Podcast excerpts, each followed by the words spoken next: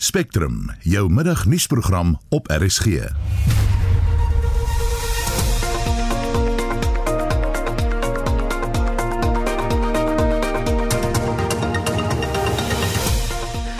In die program die geskorste sekretaris-generaal van die ANC, Ysmagashule se korrupsieverhoor sal op 10 Junie aangehoor word. Hy meen egter dit is 'n mors van tyd. This is a political trial. It's deliberate, but we will fight it.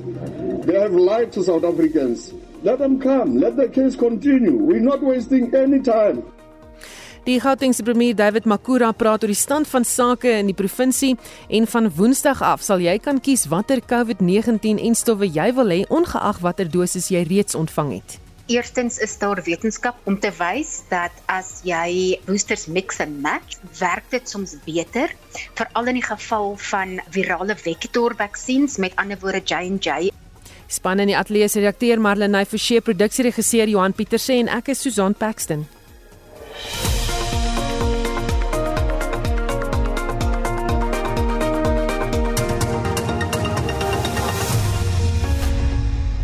So by kan 6 minute oor 12 jy luister na Spectrum en president Cyril Ramaphosa het vroeër vanoggend gesê die weermag het om die afgelope jaar goed van sy taak gekwyt.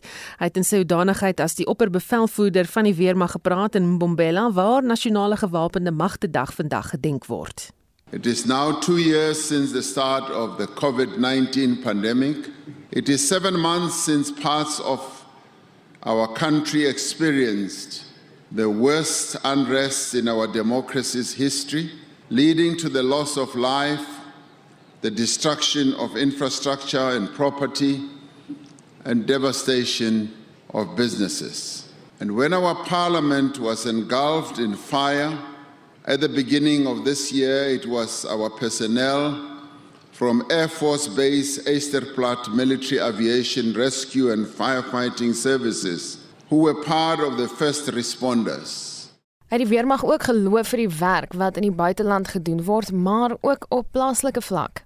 Until the middle of last year, army engineers assisted with repairing damaged infrastructure that had caused the contamination of the Val River. As school children in rural areas battled earlier to cross dangerous rivers to get to school. The SANDF engineers were there constructing bridges as part of the Welisizwe Rural Bridges program. Volgens die grondwet is die weermag se eerste prioriteit om landsburgers te verdedig en te beskerm. The terrible experiences of July 2021 unrest has left deep wounds At that moment of great crisis, the sight of a uniformed SANDF member and just the sight of a SANDF vehicle keeping us safe, restoring calm, gave assurance at a time when many were fearful. Die president sê verder die weermag se leiers vaar goed onder erge finansiële druk wat verskeie programme inperk. We are looking within these constraints at ways to better resource our defense force with the tools they need to fulfill their mandate. Dit was president Cyril Ramaphosa in sy hoedanigheid as opperbevelvoerder van die weermag. Marlene Forsie is hy konnies. In ander nuus, die geskorste sekretaris-generaal van die ANC, Ysmagashule se korrupsieverhoor sal op 10 Junie aangehoor word en Justin Kennerly is in die ateljee met die jongste hier oor Justin. Ja, Magashule staan reg op aanklagte van korrupsie en geldwasery van miljoene rand. Dit hou verband met 'n mislukte asbesdak audit. Hy het vanoggend buite die Bloemfontein se Hooggeregshof gesê die besluit om hom aan te kla van korrupsie is politieke vuilspel. Volgens hom is die saak 'n mors van tyd. They have no any other thing to do. They will waste our time. And because I've told you this is a political trial, it's deliberate, but we will fight it. And uh, I think uh, the truth will come out. They have lied to South Africans. They said they have witnesses. Let them come. Let the case continue. We're not wasting any time. We have been demanding information. Sy mede beskuldigde Alim Lamleli is die voormalige burgemeester van die Mangaung Metro en sy ontken ook skuld. I'm still the chairperson of the ANC Mesdi, elected uncontested. Here in this province, we don't even have the committee to get into integrity committee. There is no even integrity committee here. But we didn't steal anybody's money. Ek het ook gaan kers opsteek by die politieke ontleder Theo Venter en hy sê die saak gaan nog lank duur. Dit is een van 'n hele paar uitstelle wat nou al plaasgevind het en dit laat die saak natuurlik net nog verder sloer. Twee van die interessante goed wat in hierdie saak nou te berde gebring is, is die feit dat die uitleweringsproses van mevrou Cholata nou goed op dreef is en dat sy as beskuldigde nommer 17 aangebring is, maar dat meneer Magashule ook 'n paar eise aan die hof gestel het, naamlik dat die ondersoek nou moet staak want dit word as 'n soort van 'n sniffelveldtog of 'n ondersoekveldtog teen hom gehou en dat die staat nie werklik 'n goeie saak teen hom het nie. Ek dink nie hierdie is die laaste uitstel nie. Hierdie soort uh, hofsaake veral van 'n kommersiële aard dink ek gaan nog 'n hele paar uitstel prosesse beleef en die belangrikste vir meneer Magashule is hy sou graag die saak afgehandel wou hê voor Desember in 2022 op hierdie stadium lyk dit nie of dit gaan gebeur nie. Nou die saak het aandag getrek op Twitter onder die houtsmerk Ys Magashule. Nou die kommentaar is oorheers deur sy ondersteuners wat dit as 'n heksejag beskryf. Vir sommige is dit 'n teken dat dat die ANC hierdeur wil keer dat hy steun kan werf vir die ANC se verkiesingskonferensie later vanjaar. En dit was Justin Kennedy met die jongste oor die Ys Magashule korrupsie verhoor. Wanbetalers in Johannesburg skuld die metro sowat 38 miljard rand. Die skuldiges sluit in huiseienaars ondernemings en staatsondernemings. Johannesburg se burgemeester, Mpopa Glatsi sê die krisis dui op 'n geskiedkundige ontbreking van goeie leierskap in die metro. Particularly in the last two years, you know, I believe that a lot was really left to go on for too long. There's always been billing issues in the city of Johannesburg. There's always been issues with non-payment of, of municipal bills. But between 2016 and 2019, we did manage to really address the outstanding debt. We managed to address the outstanding billing queries. We took the numbers down from 100,000 to 9,000 in just three years. So it shows that with the right leadership, with political will, you can actually bring in the monies and you can address internal issues that lead to incorrect bills as well. Sandton City, een van Johannesburg se gewildste winkelsentrums, skuld die metro meer as 150 miljoen rand. Talks are ongoing between our revenue department and Sandton City to try and find each other and get them to a point where they can at least make an arrangement and start making payments.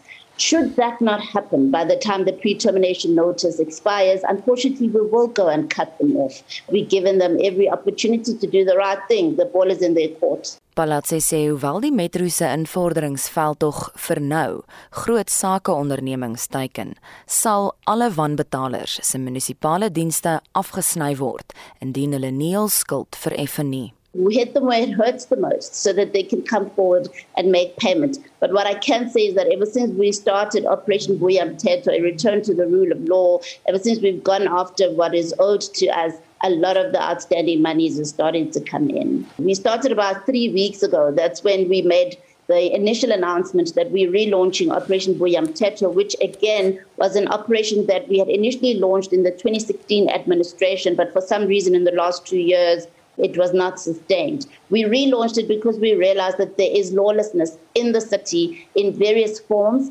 WM Teto is a transversal program within the city involving multiple departments and entities. Now, we started in Region F, we're now in Region E. Yes, Region E is the Santon area. We will move to other parts of the city as well. We will get to Region D, which is the Soweto region. What we did is we targeted the top 100 customers first because we do need to bring in as much money as possible. So the top owing 100 customers were what we started with. And coincidentally, those happened to be in Region F, where, which is a hub of business. So a lot of big businesses, a lot of big manufacturing, office buildings will be in Region F, and of course, Region E, which is our financial hub. Sy sê regeringsdepartemente is van die grootste oortreders.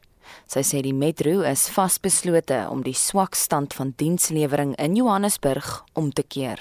The Department of Health and the Department of Education were the highest owing. The total debt for the provincial government was over 800 million rands, and slowly we're starting to see that come in. I really know that we will be able to turn this around. It takes time, it's not going to happen overnight, and it's so important to communicate the truth to our residents, the challenges that we face. So sê die Johannesburgse burgemeester Mpopalatse. Ek is Jean Marie Verhoef vir SAK nuus. Die Gautengse premier David Makura maak vandag die stand van sake in die provinsie bekend. Hy lewer die jaarlikse provinsiale rede vandag by die Brixton sentrum in Johannesburg. En Jomari verhoef het vir ons meer besonderhede.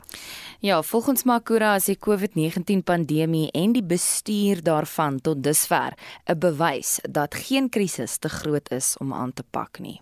After so much death and so much destruction with regard to lives and livelihoods, it is time to rebuild, and we must do so with the greatest sense of urgency, with the greatest sense of single mindedness and coordination demonstrated during our emergency response to the COVID 19 pandemic. Werkloosheid, vervalle infrastruktuur en hoë misdaadvlakke is as van die provinsie se sleuteluitdagings gelys. Unemployment has become a crisis. We have to rebuild and protect our infrastructure. The state of our infrastructure, the dysfunctional state of our infrastructure, and therefore our inability to deliver basic services to our communities constitutes itself an emergency. The increasing levels of crime and the sense of insecurity amongst our people requires an emergency response. Corruption requires us to respond in that same emergency mode we did during the fight against COVID-19. Hy sê die Gautengse ekonomie en werkskepping sal vir die volgende 2 jaar geprioritiseer word.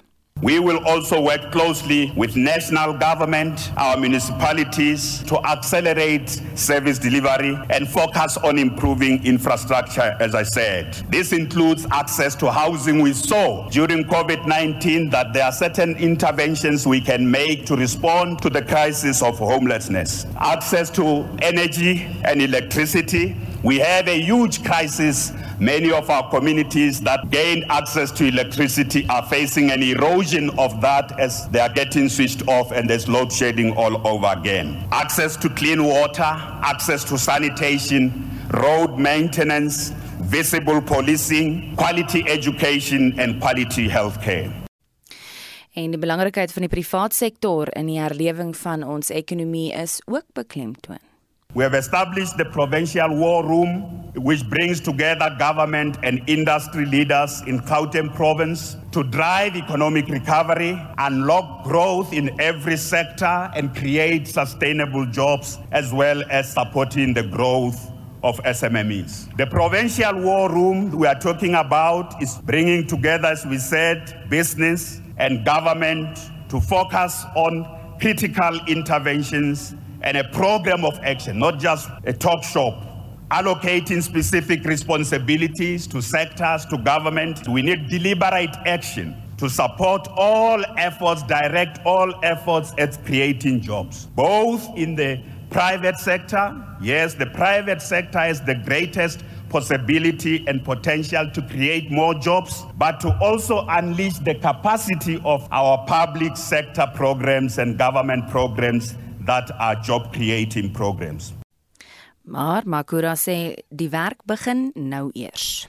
We can't sit somewhere as government alone and talk and think that we will go and meet with business and business sits alone and also talks, including trade unions in our province. They can't sit alone and, and just defend the jobs of existing workers. We know that's the role and the task of trade unions. We need to open more opportunities, particularly in, in new sectors of our economy. So, this mode of operation we are referring to is what we mean by acting with a sense of emergency.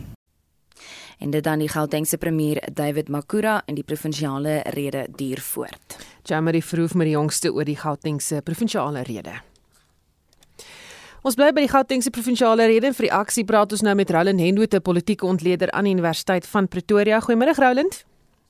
Goeiemiddag Susan. Wat is jou indrukke van David Makura se provinsiale rede?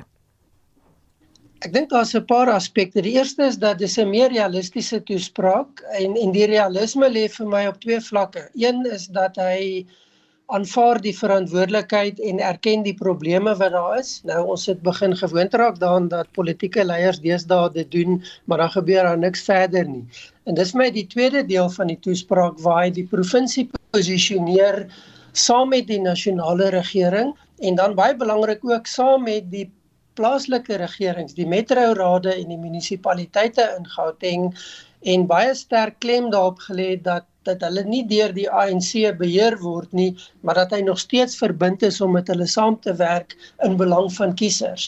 En hy het ook die provinsiale ehm um, raadslede daarop gewys dat hulle is nie daar om partytetiek te speel nie, maar hulle moet in belang van hulle kiesers wat hulle almal verkies het in daai ampte optree. So ek dink dis 'n meer realistiese benadering, 'n verbintenis wat hy maak wat belangrik is ehm um, hoe ver dit gaan kom in terme van praktiese aflewering bly altyd die vraag. Hmm. Die kwessies wat hy uitgelig het is nie nuwe uitdagings nie. Hy het hy enige werklike nuwe plan om kwessies soos byvoorbeeld korrupsie, vandalisme van verouderde infrastruktuur en swak dienslewering dan nou aan te spreek. Nee, hy het wel gesê daar's 'n 2 jaar plan om dit aan te spreek, maar ons moet onthou dit is nou al 'n hele klomp jare wat hy die premier is. So hy het elke jaar die kans om dit te doen en ek dink dit is waar die probleem lê is dit help nie hy kom met 'n nuwe verbintenis en selfs met nuwe planne nie. Ehm um, hy het wel 'n hele rits van prestasies afgelees van wat die provinsie bereik het. Feit van die saak is werkloosheid in hierdie provinsie staan op 40%. Ehm um, daar's geweldige probleme met infrastruktuur en dit lê voor die deur van sy provinsie. Dit lê voor die deur van sy leierskap en ook van die kollektiewe leierskap en daarop het hy nog nie antwoorde gegee of oplossings gegee nie. Hoe sal hierdie nuwe sogenaamde oorlogskamer van hom help om al hierdie kwessies op te los? Dit gaan net help indien hy baie vinnig tasbare en aflewerbare bewyse kan gee. Weereens die probleem wat ons sien is hierdie planne en die aankondigings en die strukture wat geskep word maar ons sien nie verandering op die grond nie. Ehm um, nog 'n struktuur wat geskep word, nog 'n vlak van besluitneming. Die vraag is tot watter mate gaan dit die mense in die provinsie help? Gaan dit nie maar net nog rompslomp veroorsaak nie? Ehm um, die president probeer om rompslomp te beveg en nou sien ons op ander vlakke die strukture word doeteenvoudig gedupliseer en gerepliseer. Ons sien nie die praktyk van dienslewering nie. Ehm um, en my vraag is is dit nodig om 'n om 'n nuwe struktuur te skep om te sorg dat jy tenders kan toeken dat paaie herstel word? Om te sorg dat plaaslike regerings bemagtig is om dienste te lewer? En en en daar is te veel gepraat en te min wat gedoen word. Baie dankie dit was 'n politieke ontleder aan Universiteit van Pretoria Roland Henwood Van Woensdag af sal jy kan kies watter COVID-19-enstowwe jy wil hê, ongeag watter dosis jy reeds ontvang het. Die Suid-Afrikaanse regering het ook aangekondig dat vir reisdoeleindes die tydskedule van wanneer jy die Pfizer-enstof se tweede en aanvullende dosis kan ontvang, nou met die helfte gesny is. Die direkteur van die Bekkiesisa Sentrum vir Gesondheidsjournalistiek, Mia Malan sê, Suid-Afrika volg die tendense van die res van die wêreld.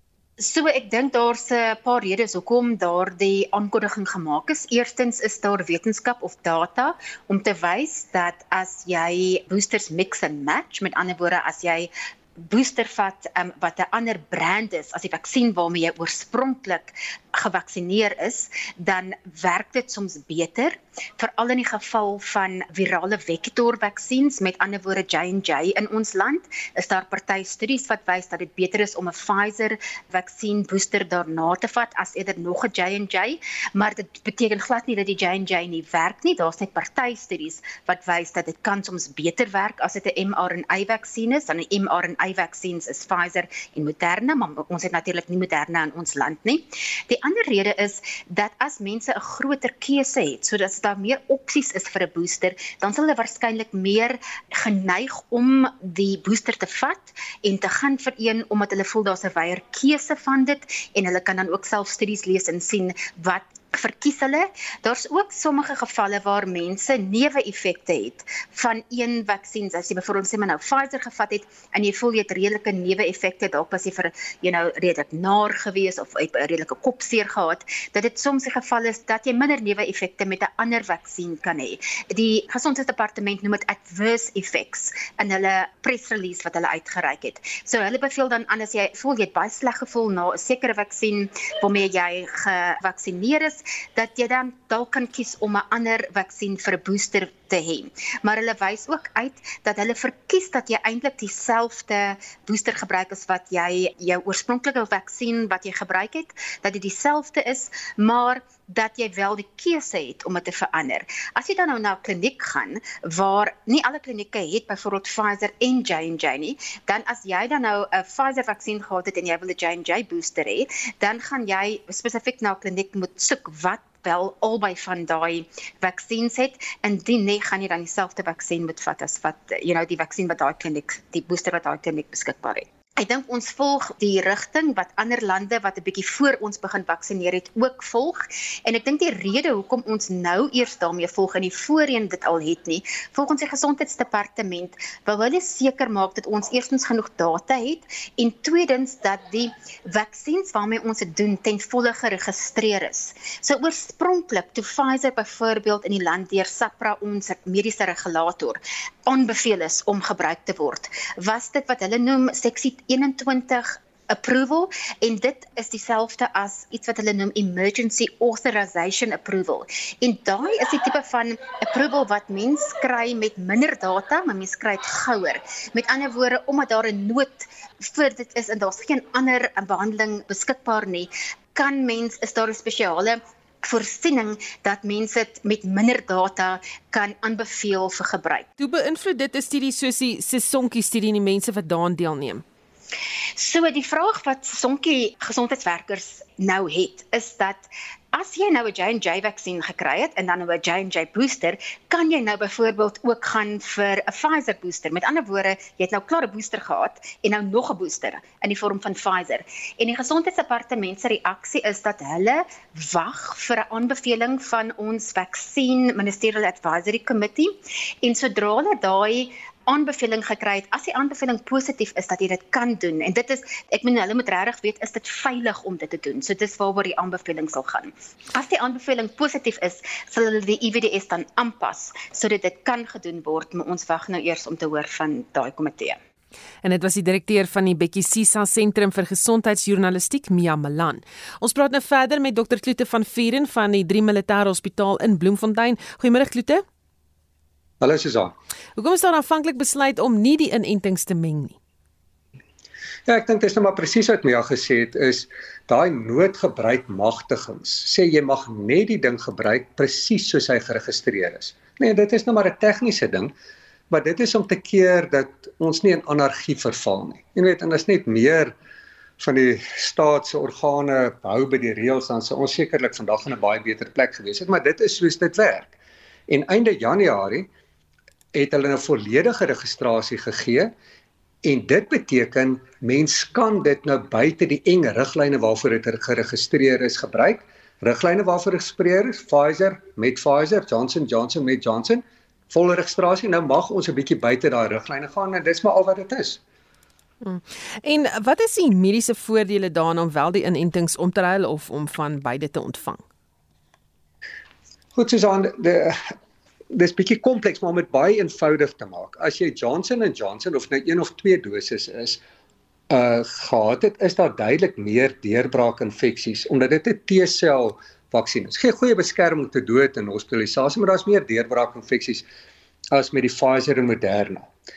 As jy die Johnson & Johnson vaksin opvolg met 'n Pfizer vaksin, kry jy 'n baie breër immuunrespons. En breër bedoel hulle hierso teen al die verskillende variëteite of variante.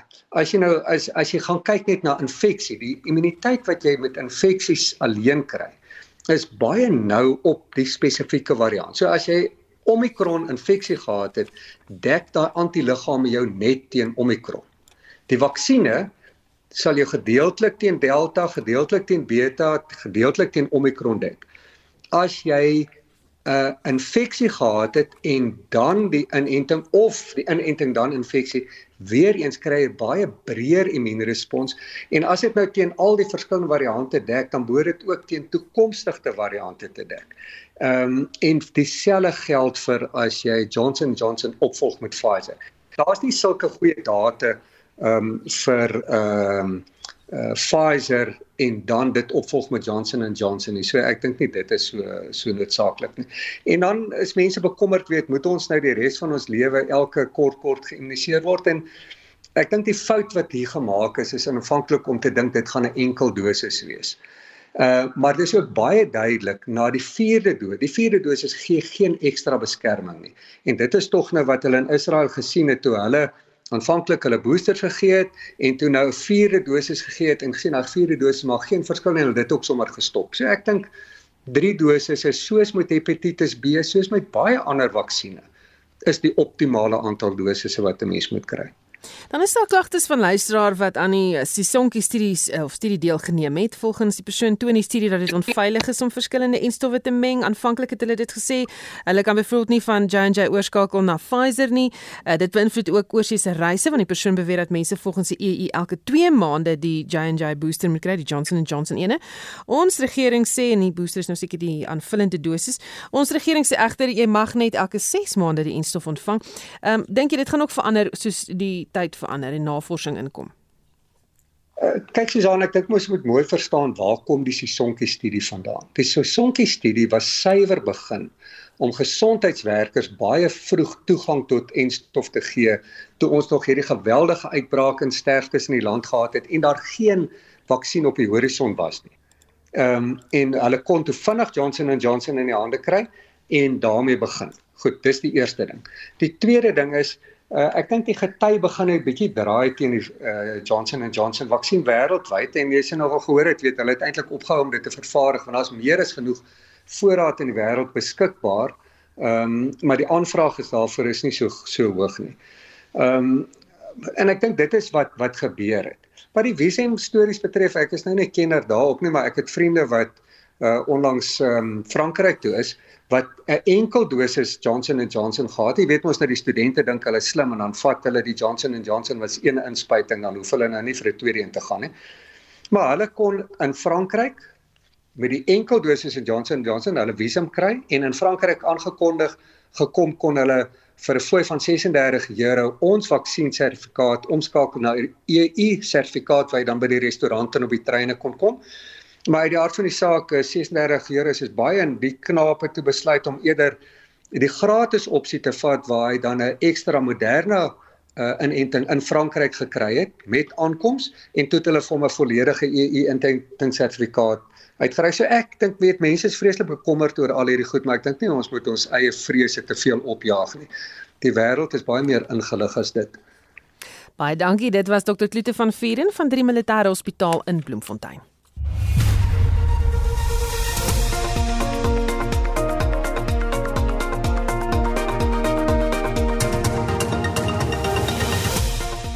As jy pas by ons ingeskakel het, reaksie op die geskorste sekretaris-generaal van die ANC, Ys Magashule se korrupsieverhoor sal op 10 Junie aangehoor word. Dit is een van 'n hele paar uitstelle wat nou al plaasgevind het en dit laat die saak natuurlik net nog verder sloer. This is a political trial. It's deliberate, but we will fight it. They have lied to South Africans. Let them come. Let the case continue. We're not wasting any time. Later in die program die minister van polisie getuig vir die menseregte kommissie oor die Julie onluste van 2021 in Gauteng. Duisende Suid-Afrikaners onderteken 'n petisie teen die regering se plan om 50 miljoen rand aan Kiba te skenk. Presies. Hoekom doen ons nie iets vir ons eie Suid-Afrikaanse mense nie? 50 miljoen is dalk 'n druppel in die oseaan van wat moet gebeur, maar dit is ten minste iets wat ons hierso in Suid-Afrika kan toepas. En hond in Kalifornië in die FSA is met haar mensfamilie herenig 12 jaar nadat sy weggeraak het. Bly ingeskakel.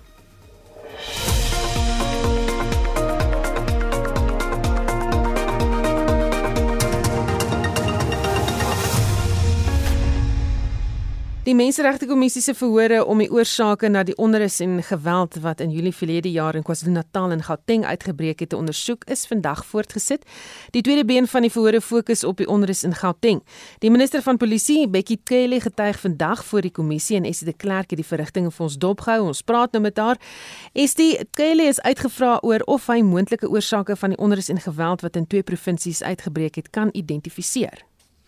Ja, Susan, hy's vandag deur advokaat Lloyd Lots van die Menseregte uh, Menseregte Kommissie ondervra en Trelle het gesê hy beskik nie regtig oor die gesag om die oorsake uit te wys wat tot die onrus gelei het nie, maar hy was in KwaZulu-Natal voordat dit uitgebreek het en kan getuig oor dit wat hy waargeneem het. Hy het die konstitusionele hof se uitspraak dat oud-president Jacob Zuma moet tronk toe gaan en sy daaropvolgende inhegtenisname uitgesonder as van die hoofredes wat aanleiding gegee het vir die geweld. Dark clouds were gathering. You could see it coming. The province, especially of KZN, was for some time having this uh, political sick climate. The question of the former president and the things happening around for some time. Quite several people would have tried to stop it if they could. Hy sê polisielede is van ander provinsies ontplooi om Zuma se verskywing van Kandla na die gevangenis in Escort te monitor. If we were there, we are around all those things, you could see that that was a beginning of it. It was not end. That morning, one of the busiest road, which is John Ross, between Bangini and Richards Bay, was blocked. There were trucks that their keys were taken by some people and they were left in the middle of the road. So clearly there was something coming, but the arrest of the former president was one of those things that ignited what you saw happening there. Nou SC Taylor het in sy verklaring voor die kommissie gesê hy het geen intelligensieverslag van die nasionale kommissaris van die polisie of die streekskommissaris van die polisie ontvang in aanloop tot die onrus totdat dit onder beheer gebring is nie. Ja, Susan, advokaat Lots het aan Trelle gevra of hy enige ander intelligensieverslae ontvang het.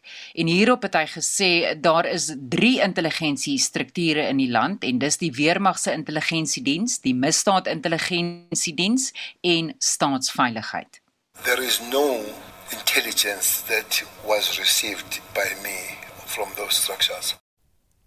Nou Kelly het egter ook in sy verklaring gesê dat hy reeds 'n geruime tyd geen intelligensieverslae van die kommissaris van polisie ontvang nie.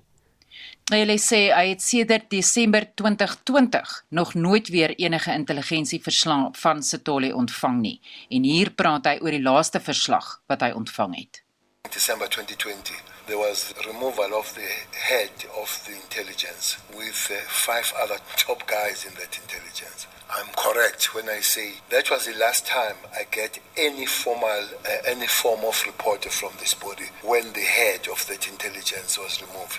I never again received any form. That will be December 2020. Trelle sê tydens die onrus in Julie verlede jaar het hy wel onafhanklike intelligensieverslae ontvang van dreigemente wat op sosiale media gemaak is aan hoëgeplaaste regeringsamptenare se familielede. I raised that the level of the SSA if it could be deciphered so that we get the actual names and the activities and who those people were. And uh, unfortunately that did not happen. Sy getuienis duur die res van die dag voort. En dit was Essie wat vir ons die verrigtinge by die Menseregte Kommissie se verhore dophou. 'n Koalisie van hongerverligtingsorganisasies het 'n petisie begin teen die regering se plan om 50 miljoen rand aan Kuba te skenk. Die skenking is glo vir hongerverligting in die land. Anneke van Linge van die organisasie Chefs with Compassion en Nosh Food Rescue sê daar is 60 plaaslike organisasies wat die skenking teenstaan. Hulle sê die hongersnood op eie bodem is groter as in Kuba. Wie het ons agtergekom het as aksie gaan gebeur, het ons almal ja, ons was almal bietjie geskok en geskit. Presies. Hoekom doen ons nie iets vir ons eie Suid-Afrikaanse mense nie? 50 miljoen is dalk 'n druppel in die oseaan van wat moet gebeur, maar dit is ten minste iets wat ons hierso in Suid-Afrika kan toepas. Ons sukkel verskriklik. Jy weet in die hele kosverskaffing milieu, so ja, absoluut. Ons kan verstaan dat sulke donasies en sulke relasies ondersteun moet word, maar ek dink onder die omstandighede wat ons deesdae ons in bevind, dink ons dis 'n bietjie skande. So dis toe gestig het. 60 kosverskaffing organisasies het dit ondersteun en onderteken en sinsdien het dit het dit ontplof. Dit baie mense voel dieselfde. So ja, uh, yeah, let's go for it. Uh, iets wat interessant is vir my uit hierdie hele uh, jy weet stuk wat jy geskryf het is dat jy weet baie mense dink ag dit gaan goed hier in Suid-Afrika, jy weet niemand sukkel met kos nie, maar ons sukkel eintlik met voedsel en honger. Verskriklik. So Kiba het 'n werkloosheidssyfer van omtrent 2.5% blykbaar en ons sit met voor Covid oor die 37%. So uh, mense wat sê daar is nie honger nie en dit gaan nie goed nie, het dalk bietjie rose tinted spectacles aan. Daar is baie baie mense wat verskriklik sukkel. Um ons toue raak langer en langer en ons sien die nood dringender en dringender elke liewe dag. So uh, ja, nee, daar is definitief 'n groot probleem. Julle het drie spesifieke mense aan wie julle hierdie petisie rig. Vertel my daarvan. Daar's verskeidenheid mense en instansies wat feedback. So een van ons vrae is is vir minister Naledi Pandor en vir die die ehm um, deputy minister Alvin Botus. Hulle het heel waarskynlik weet gesag oor die departement van ehm um, internasionale sake. Obviously wil ons graag met Cyril gesels. Hierdie hongerprobleem moet dringender behandel word. Dit het langtermyn repercussions. So daar is natuurlik 'n stem wat wat homself moet dik maak vir ons. En uiteindelik Lindiwe Zulu, ehm um, jy weet sy sy's vreeslik betrokke by Department of Social Development. So uh, jy weet daar daai is die hande wat wat vir ons hierdie stuurwiel moet draai. En dit was Hanneke van Linge, die organisasie Chefs of Compassion and Nosh Food Rescue, um, se direkteur en 15000 mense het reeds die petisie geteken. Die gedeeltelike sluiting van die Charlotte Maxeke Hospitaal of Akademiese Hospitaal in Johannesburg plaas groot druk op ander hospitale in Gauteng. Die burgerregte organisasie Defend Our Democracy sê opknappingswerk aan die hospitaal moet spoedig afgehandel word omdat pasiënte benadeel word. Es de Klerk het meer besonderhede.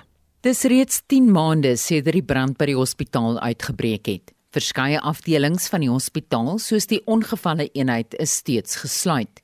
Die Gautengse departement van gesondheid sê van die afdelings soos die mediese en bestralingseenhede van die onkologie afdeling, die nierversorgingseenheid en die hoë sorg kraamafdeling het reeds heropen.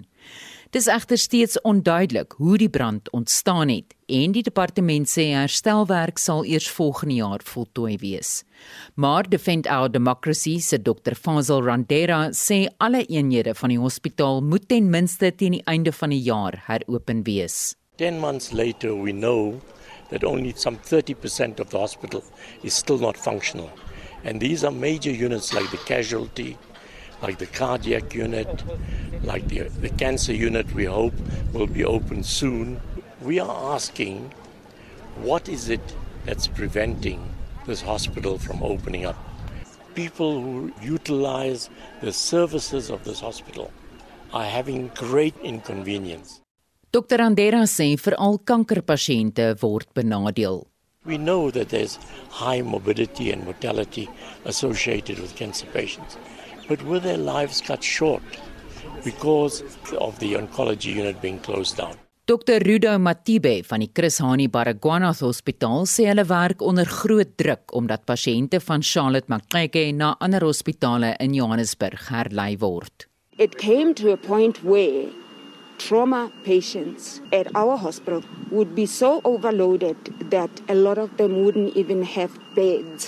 They would have to wait as doctors scuttled around to try and identify who they could prematurely discharge. The same thing was mirrored in internal medicine. The same thing happened in orthopedics. We started having backlogs in orthopedic surgery, in pediatric spinal surgery, because of the fallout of what was happening at Charlotte Maxeke. Defend Our Democracy het nou 'n griefskrif met eise aan die bestuur van Charlotte Maxeke oorhandig. Tokozani Langa van die Gautengse Departement van Gesondheid erken intussen dat die proses sloer. The Gauteng provincial government has asked the National Department of Health to take over the process and they will be apparently or factually using the PSA, Development Bank of South Africa as an implementing agent to fast track the work. There has been some kind of work that has been done, and we're hoping that the emergency uh, services will reopen sometime early next month. Die verslag is saamgestel deur Paul Magubani. Ek is Estie de Klerk vir SAK nuus. Strande in Australië wat gesluit is na die onlangse haai-aanval in Little Bay is weer oopgestel. Die owerheid sê hy doen alles in sy vermoë om mense te waarsku van haai-aktiwiteit by strande sodat mense weer met 'n geruste hart kan swem. Dit nadat die 35-jarige Simon Nellist verlede week deur 'n haai aangeval is.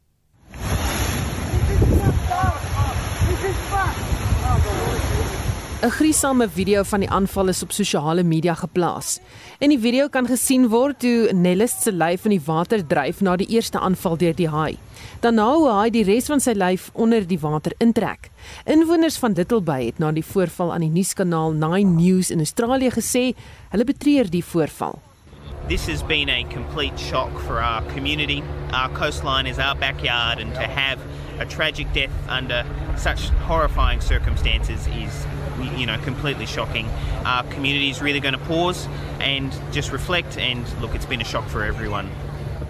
I was very sad for the person taken but at the same time it's the risk we take swimming in the ocean. It's their domain.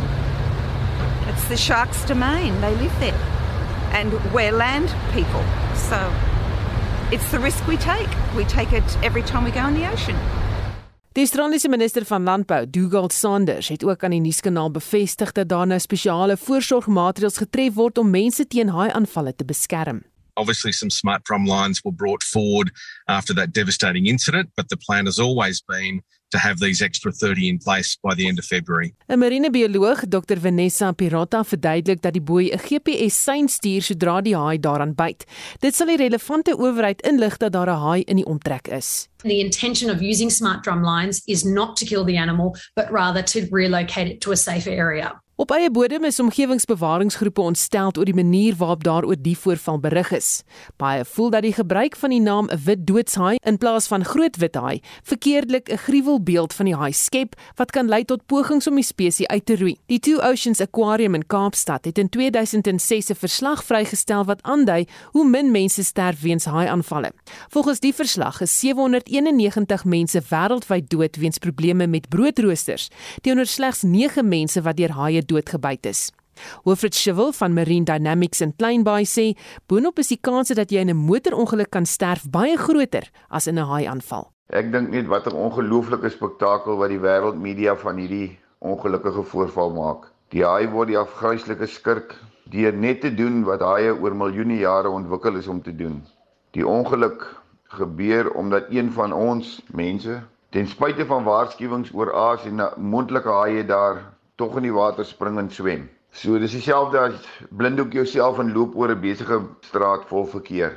Daar's min verskil daarteenoor. Sulke gedrag plaas die bewaring van haie jare terug. Die beter verstaan wat miljoene mense van haie gekry het deur harde werk en opvoeding word amper onmiddellik uitgewis deur verkeerde en sensasionele beriggewing en dom en astrante optrede van die mens. Gelukkig is daar 10 duisende mense wat elke jaar oral deur die wêreld met haie duik en verstaan dat hulle nie vreesaanjaende gediertes is nie.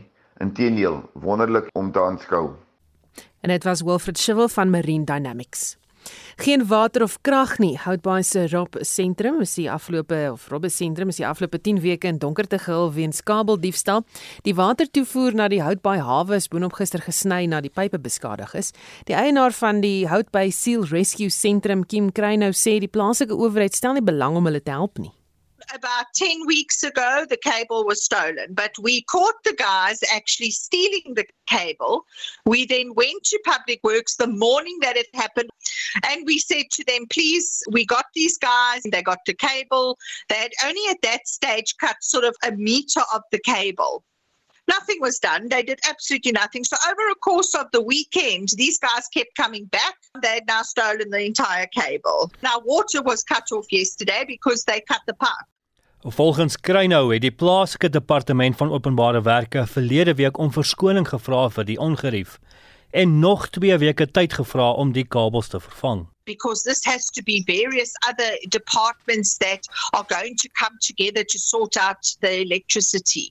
So we must give them another 2 weeks. I am so done with these people. And I mean, I've escalated this to Delil. I've escalated this. We, we've CC'd every possible person that you can imagine. Die sentrum het, soos enige hospitaal, water en krag nodig om die robbe te versorg. It's hell on earth because we've got a generator, but it's not a long term solution because petrol costs an arm and a leg. It's terrible because we've, we've also got a pool to run, we've got a rehabilitation pool. So once the, the yearlings go into the water, we, we throw the fish, they start hunting. Once everybody's hunting, they go back and we do the releases. So we can't run our pool effectively. Got to make sure that we blend our pups milk and we blend our yearlings, which we feed twice a day, and the pups are fed every four hours. We've got no lights on the inside at all, so it's pitch pitch dark on the inside. It's it's hell. It's hell on earth. Spectrum het die departement van openbare werke se verteenwoordiger in die hawe vir kommentaar genader, maar sy het ons na hulle media departement verwys. Ons het tot op hede nog nie antwoord gekry nie. Kry nou beweer die water en kragprobleme word gebruik om haar te dwing om haar sentrum te sluit. Iets wat sy nie gou sal doen nie. I will never close our doors. We are the only rehabilitation centre in the entire Western Cape. I will never give up. Never. Agus Justin Kennedy vir SA Garnis.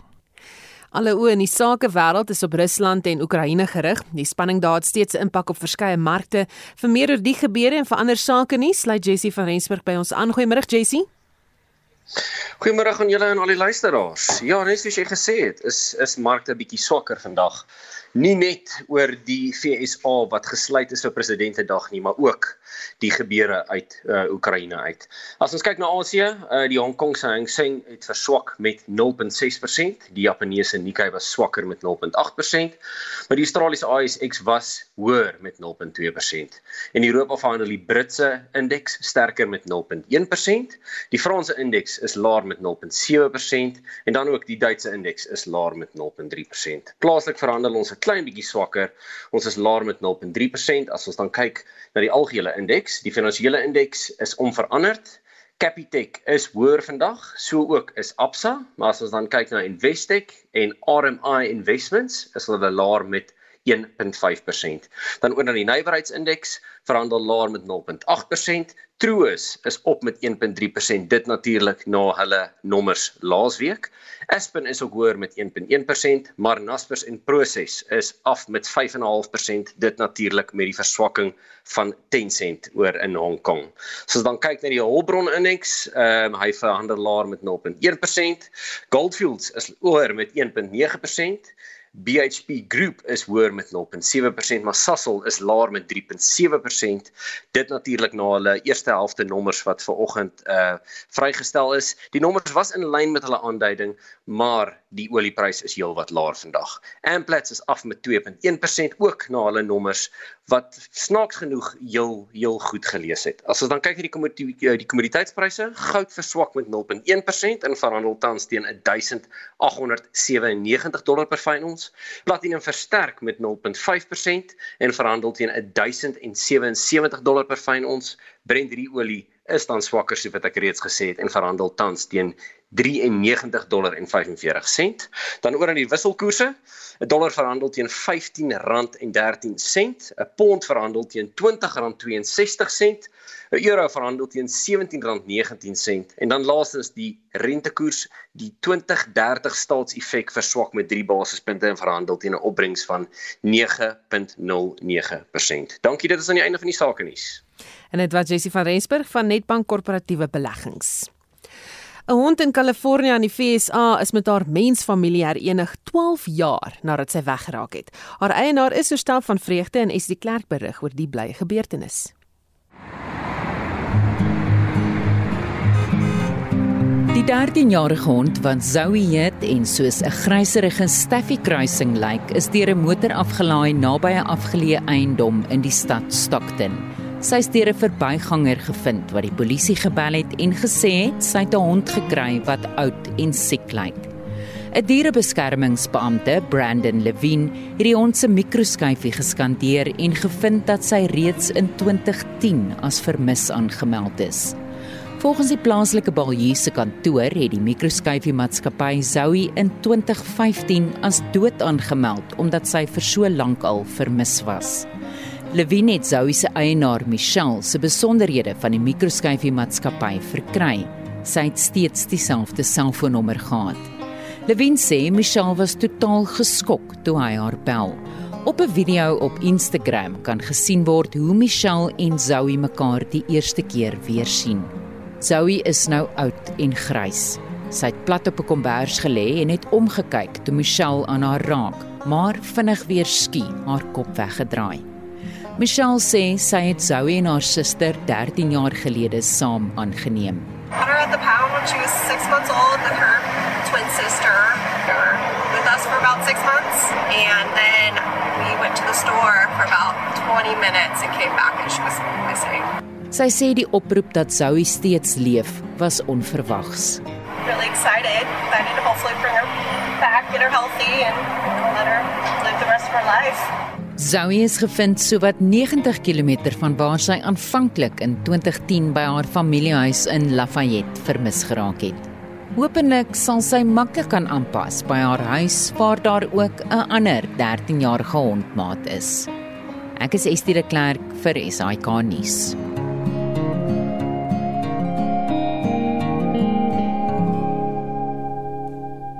Wat 'n hartroerende storie. Michelle het nie gesê of die ander 13-jarige hond maat wat by die huis wag moontlik sou sy suster is nie.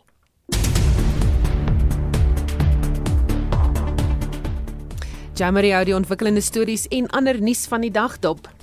Die gonswoord op sosiale media is oorlogskamer, of soos dit op Twitter gebruik word, war room.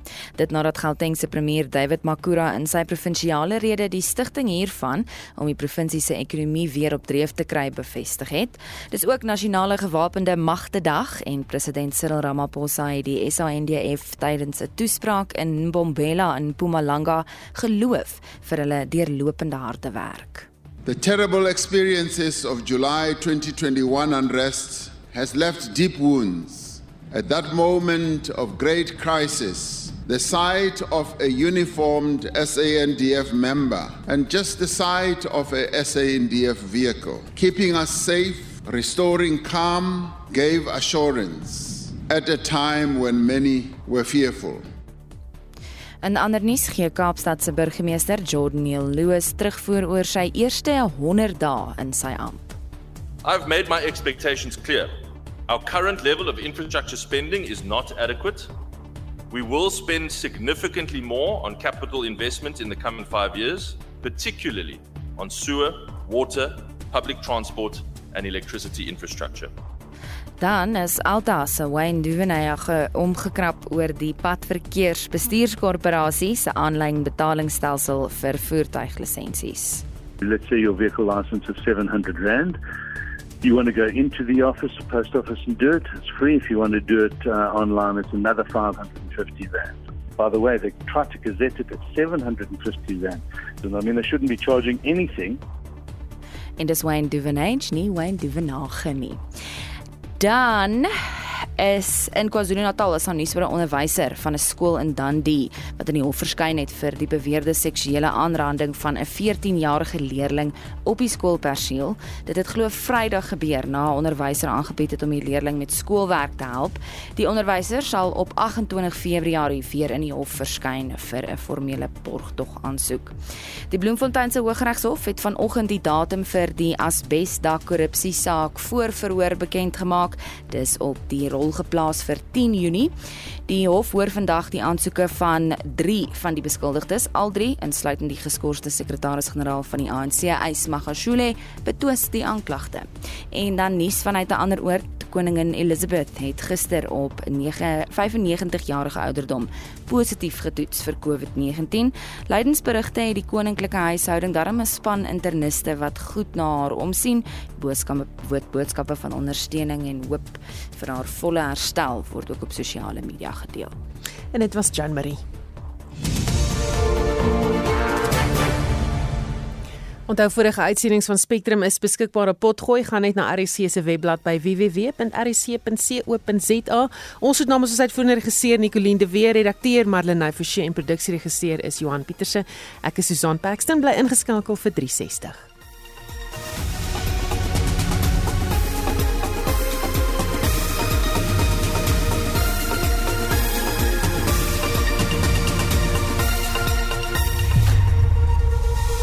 SAK nuus. Onafhanklik, onpartydig.